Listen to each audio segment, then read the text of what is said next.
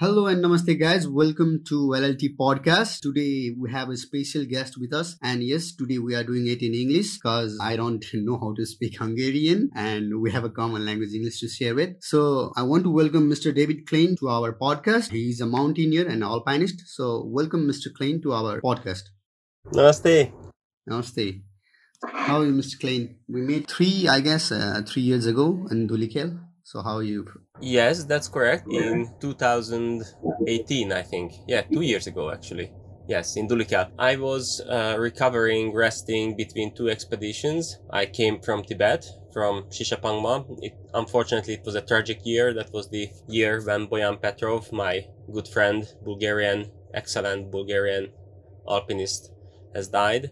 And I was heading to Pakistan. So, yes, thank you very much. I'm fine.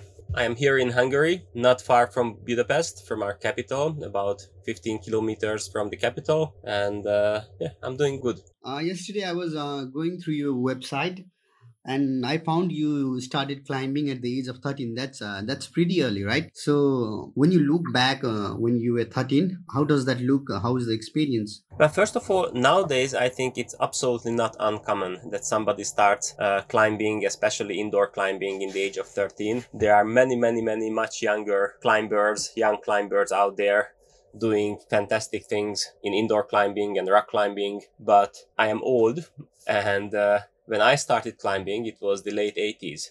And in Hungary, there were virtually no indoor gyms. There were there were absolutely no indoor gyms. Climbing was a little bit more adventurous, and uh, we had to start on real rocks on on real crags so in those times in hungary yes it was uncommon to start in that early age but i was very bad in in soccer uh, and everybody in hungary is supposed to play soccer i don't know why i didn't really like it i was not good with the ball but I really liked running, climbing trees, and I was imagining that I will be a great explorer or adventurer or whatever. And uh, when somebody introduced me to rock climbing, I, I, immediately knew that everything that I'm looking for is, is in this sport.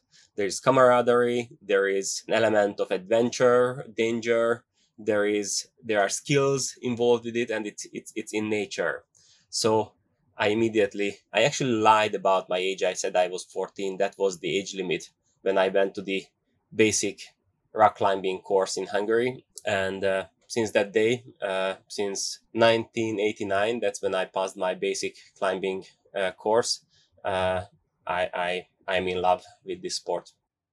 Yeah, this sport is really great. I really have a great passion for this too uh, maybe in near future i'm going to do in this or you know dive in this field. So i hope for the uh-huh. best. And uh, i also would like to let my audience know uh, david has already climbed a four 8000 mountains uh, without oxygen. And that's that's a great thing. I really admire this thing. And uh, i had a question in my mind when i was going through this. What is the thing that uh, what's the motive that you never use oxygen? What's the motive behind that maybe I'm too stupid to operate complicated equipment.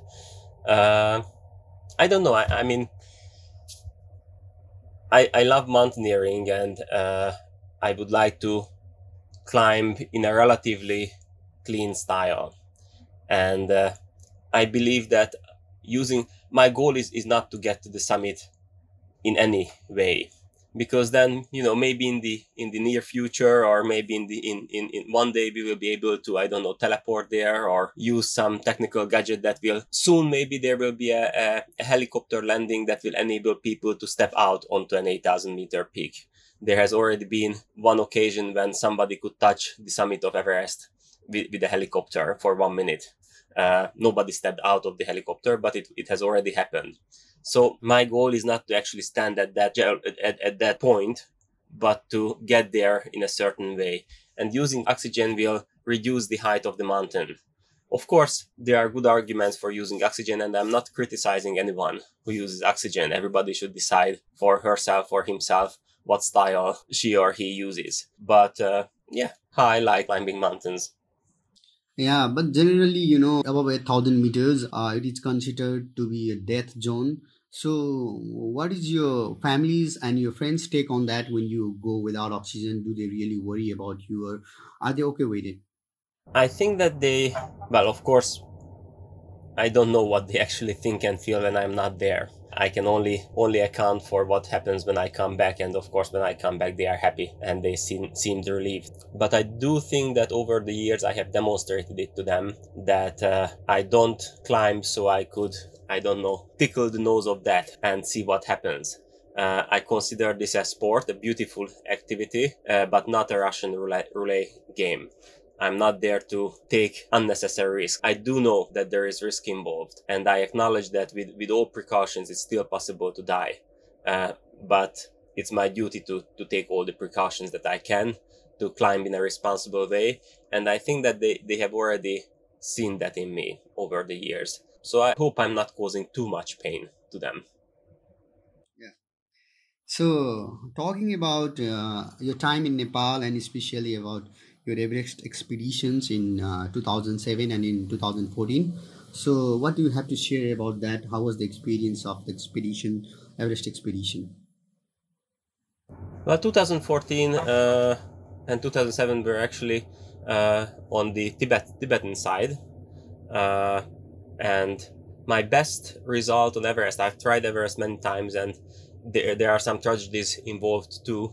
I lost a good friend and climbing partner in 2010 there was this collapse of the of the ice wall going up to camp 1 and we were swept away by the avalanche. I survived he did not. Uh, 2014 was my best result. Uh, i climbed to 8700 meters without oxygen. Uh, i'm still not sure if my my de- decision to turn around below the, the third step uh, at about 8,700 meters was a good decision, but it was certainly good enough for me to survive and maybe have another chance to go back another day. And I'm also okay with with with uh, with saying that this was enough if it has to be enough. So yeah, 2014 was a was a good year actually. I think in that regard. So uh, you just mentioned you lost you one of your friend. So what did you take in loss, and what is loss for you? It's a big and difficult question. I think there is no recipe for recovering from such a loss. And when I say loss, I should mention that my loss is nothing compared to the loss of the family. Uh, children, my climbing partner's name was Konyi, Laszlo Várkonyi. But yes, I've lost a friend with whom I climbed for 10 years, and that, that's a long period of time to, to know someone and to spend quality time with someone. And there is no recipe, recipe for recovery. Uh, one of the interesting things I experienced was that not even on that day when the accident happened, when I was hanging on the rope and quite in a bad shape. Not even on that day did it come to me, did it occur to me that maybe I will never come back to the mountains. I knew that I will come back to the mountains. So I, I, I, knew that it will be a long road to recover emotionally, but I, I knew that that's, that's my road. Uh, for me, when I go to the mountains, uh, human relations are important. Uh, I value human relations, even here in, in Hungary or anywhere. But when you go to the mountains, everything becomes more intense. The smell of your socks bother me, then I want to kill you.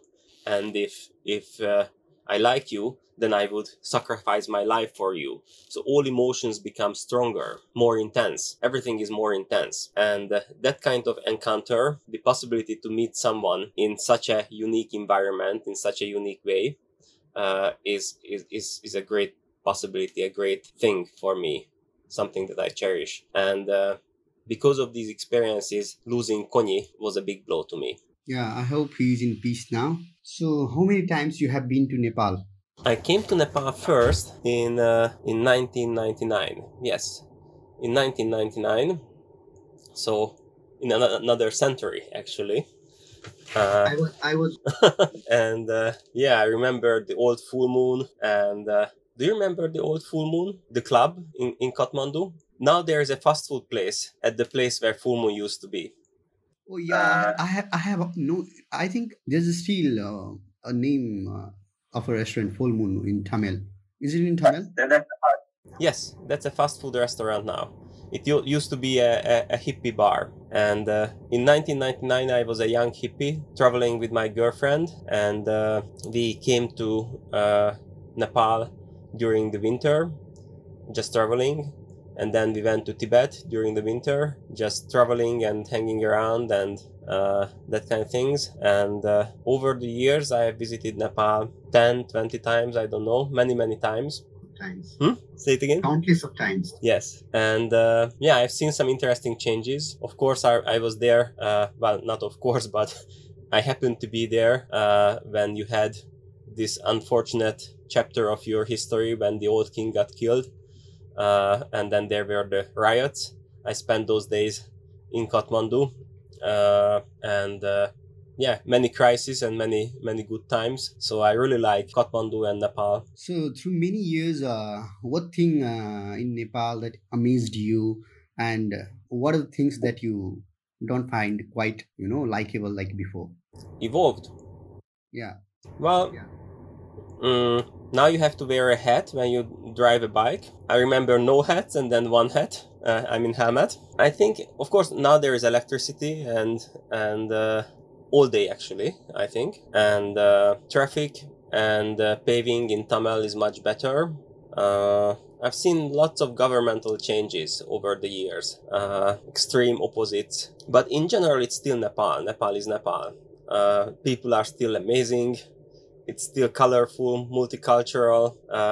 It's very small size wise compared to how many different atmospheres and and and uh, activities can be found in Nepal. If you go to the south, then there is this rich jungle like place and and there are crocodiles and and elephants and that kind of things and then you go north uh, just one day motorbike ride from from from the elephants there is the himalayas and I think it's very unique. The people, the landscape, everything, the culture. So, what is your what is what was your plan of 2020? Uh, I just heard that you were going to come to Nepal to climb Everest. Mm, no, not exactly. We wanted to come to Nepal to climb Makalu uh, with my friend Szilárd Suhajda. Last year in 2019, our pair uh, uh, successfully completed the first Hungarian ascent of K2 Unfortunately, I got sick, so I wasn't on the summit. For for that two days, I wasn't with Szilárd, but uh, the expedition. I, I I meet you. I meet you just before your expedition to K two, right? No, that that was that was one year earlier. That was 2018. Now we are talking about 2019.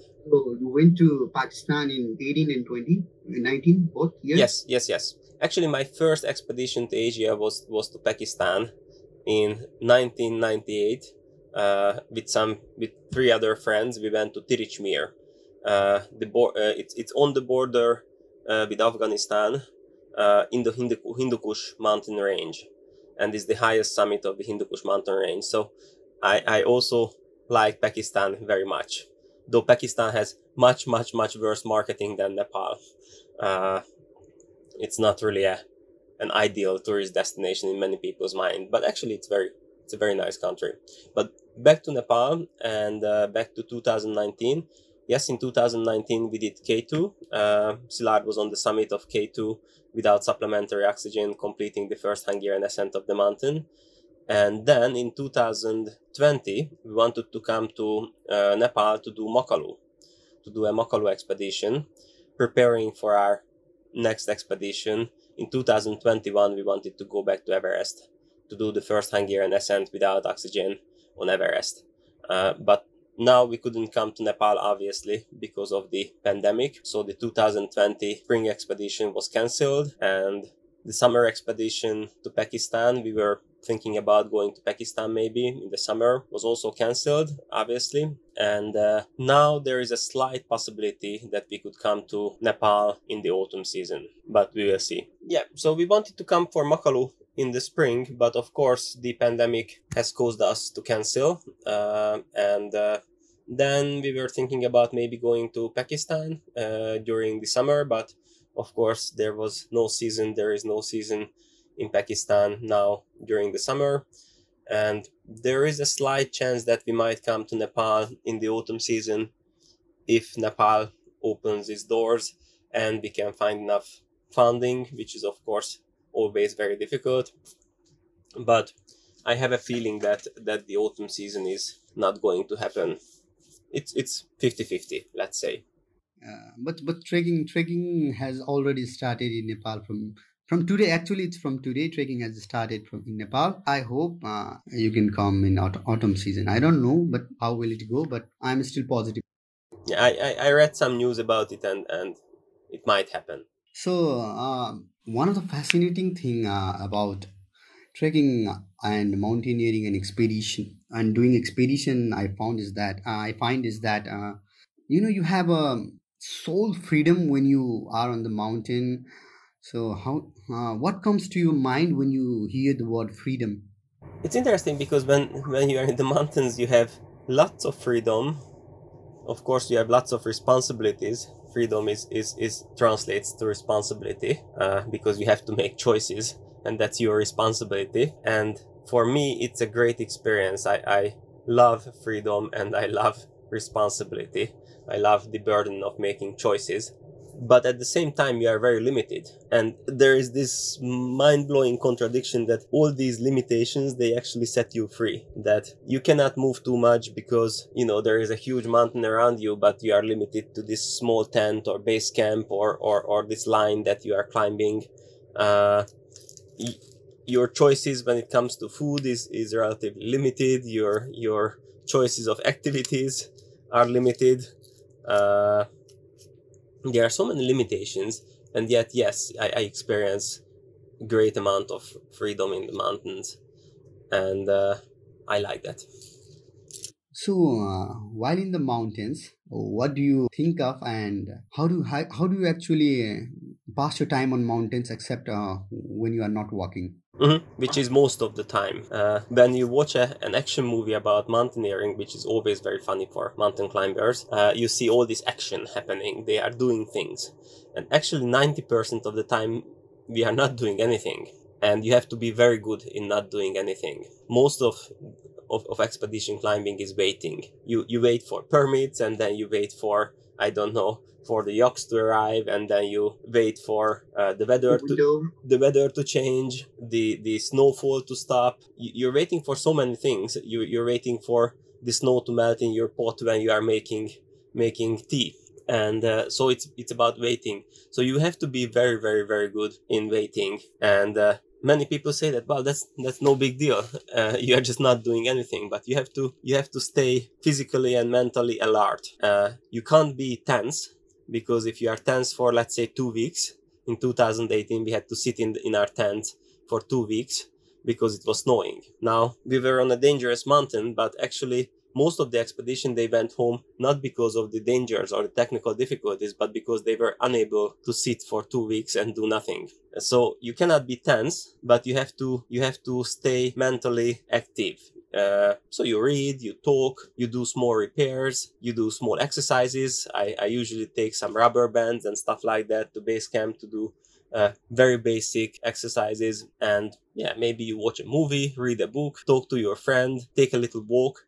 Uh, it, it's all about staying active and not being tense at the same time and being ready when the opportunity comes. Really be ready when the opportunity comes uh, and take care of those small injuries, your your throat, your skin, everything that needs to be taken care of. Uh, so I think that's that's an important aspect of of, of high altitude mountaineering.